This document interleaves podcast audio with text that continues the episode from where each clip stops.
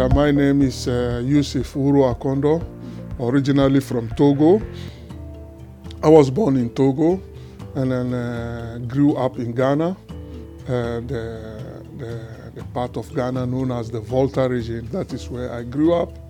And uh, I've since been living in the Netherlands for over 30 years. Yeah, the community that I came from, or my community, my tribe, they practice FGM a lot. That means in my family, yeah, I, I had uh, elder sisters that uh, also had uh, gone through the FGM rituals.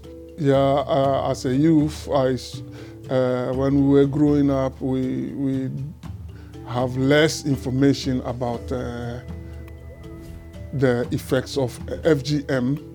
So for us, it was a festive moment when the uh, girls were put together and then maybe eight, nine of them, and then they, they undergo the ritual of FGM.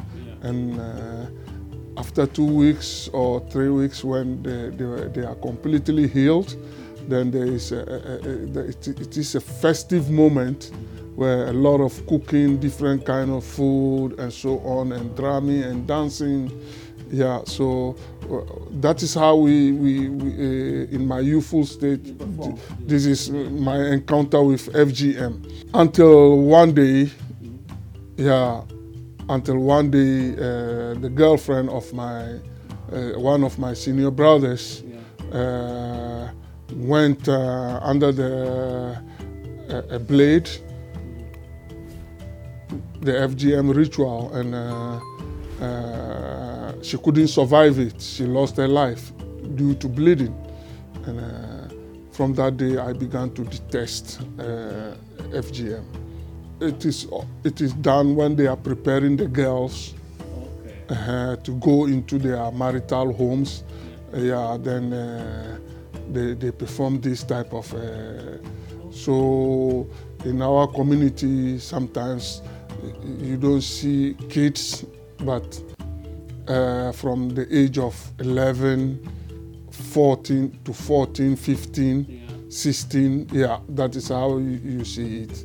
Yeah, it is a very, very big shock because, uh, yeah, this young girl, the physical harmful effects that affect my community is uh, the FGM, but we have social and mental yeah situations uh, that uh, the girls are not given the chance to educate themselves fully and uh, early marriages. Yeah so that is also uh, i can term it as a harmful effect. Because uh, the girls didn't have the same opportunity as we the young ones. Yeah you see the boys going to school and the girls in the house uh, doing household chores and so on yeah. Yeah, it has been it has been so yeah that girls have been married very at a very early age. Yeah. But uh, this time around, uh, I mean, things are changing a little bit, yeah, due to the advocacies and so on.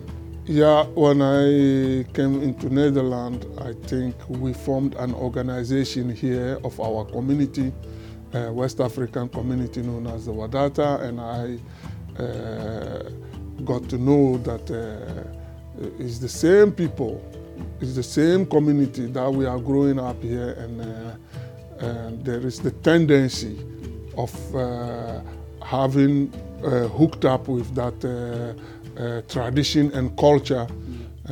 therefore, I yeah, in fact underwent some training with FSAN.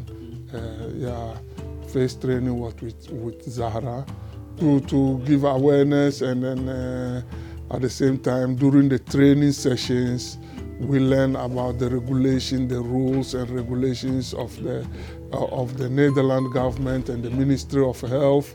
Yeah, so uh, we disseminated that to our community uh, so that we don't we don't fall into the uh, uh, uh, uh,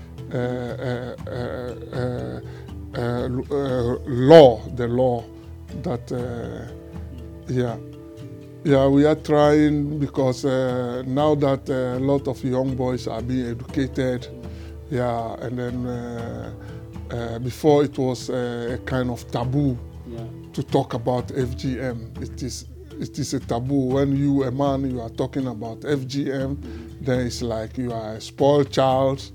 Why talking about the woman and their genital parts?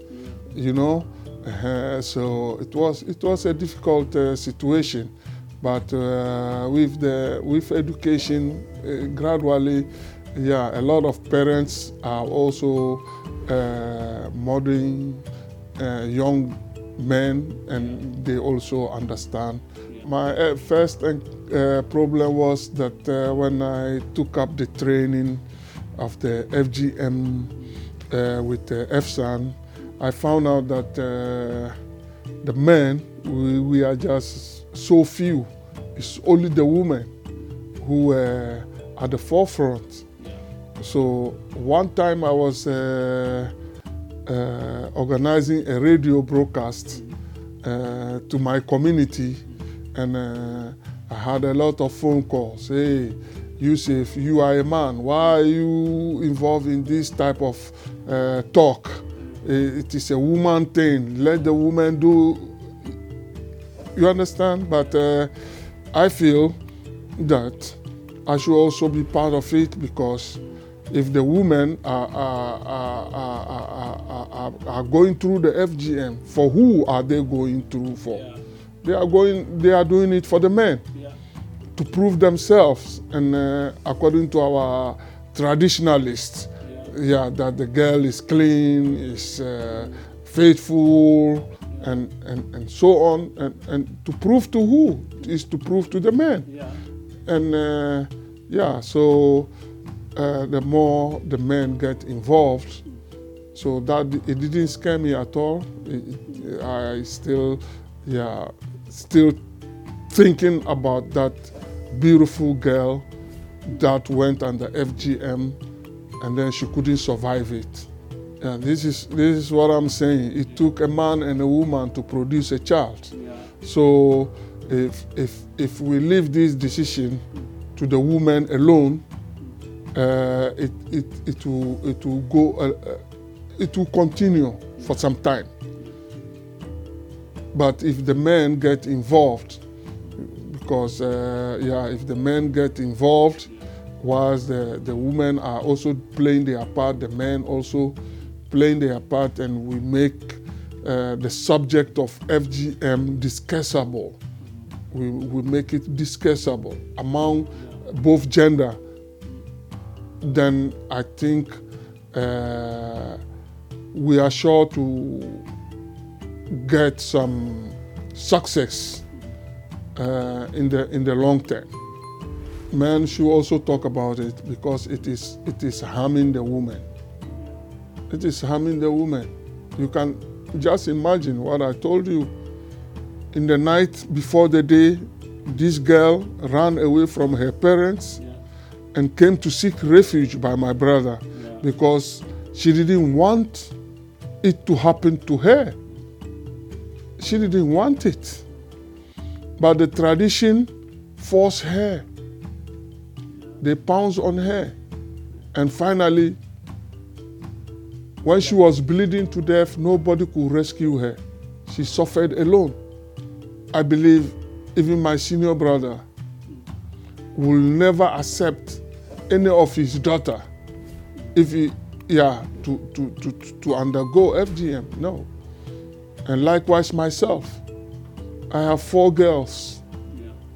and I don't think I let me tell you something uh, this uh, July 2021 when the schools are on holiday it is the first time I make the family go down to Africa to go and visit Yeah. my territory. So when they were going, I didn't go with them, but I gave all of them Yeah. the, the passport, FGM passport. I gave it to them. And their mother, I gave her the strict warning Yeah. that she shouldn't lose her sight Yeah. from them and and uh, luckily they all went and came back safely. The fact is, is we are not being able to build bridges enough. We have had quality training here in the Netherlands. We have quality training here. And I think we hope the EU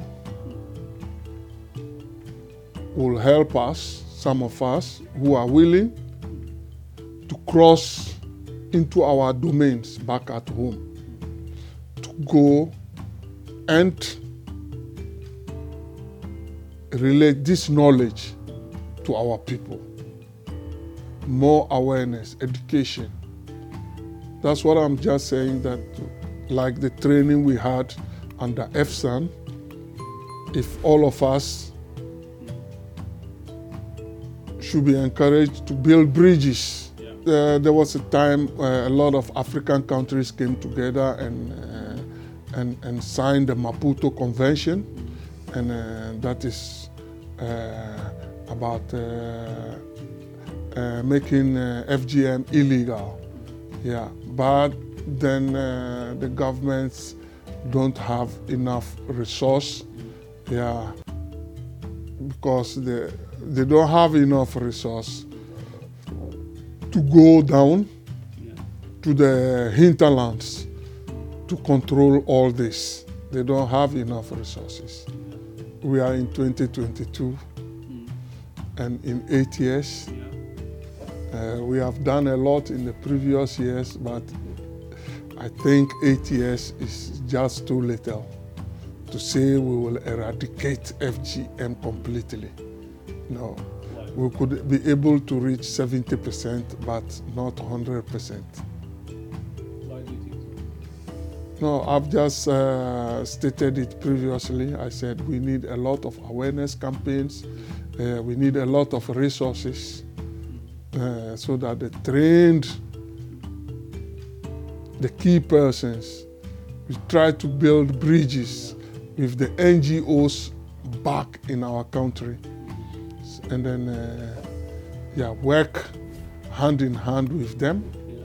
And uh, yeah, but we will need a lot of resources, so Fin financial resource, yeah, to do that. All forms of FGM could be eradicated if we follow uh, what I've just said, uh, that is uh, by educating the masses, radio programs, television programs nationwide, and uh, at the same time, uh, the, gov- the various government institutions in charge also come in to state the, the state laws. Yeah, and, and it's not only one time to say it and that is it. No, you need a repeated,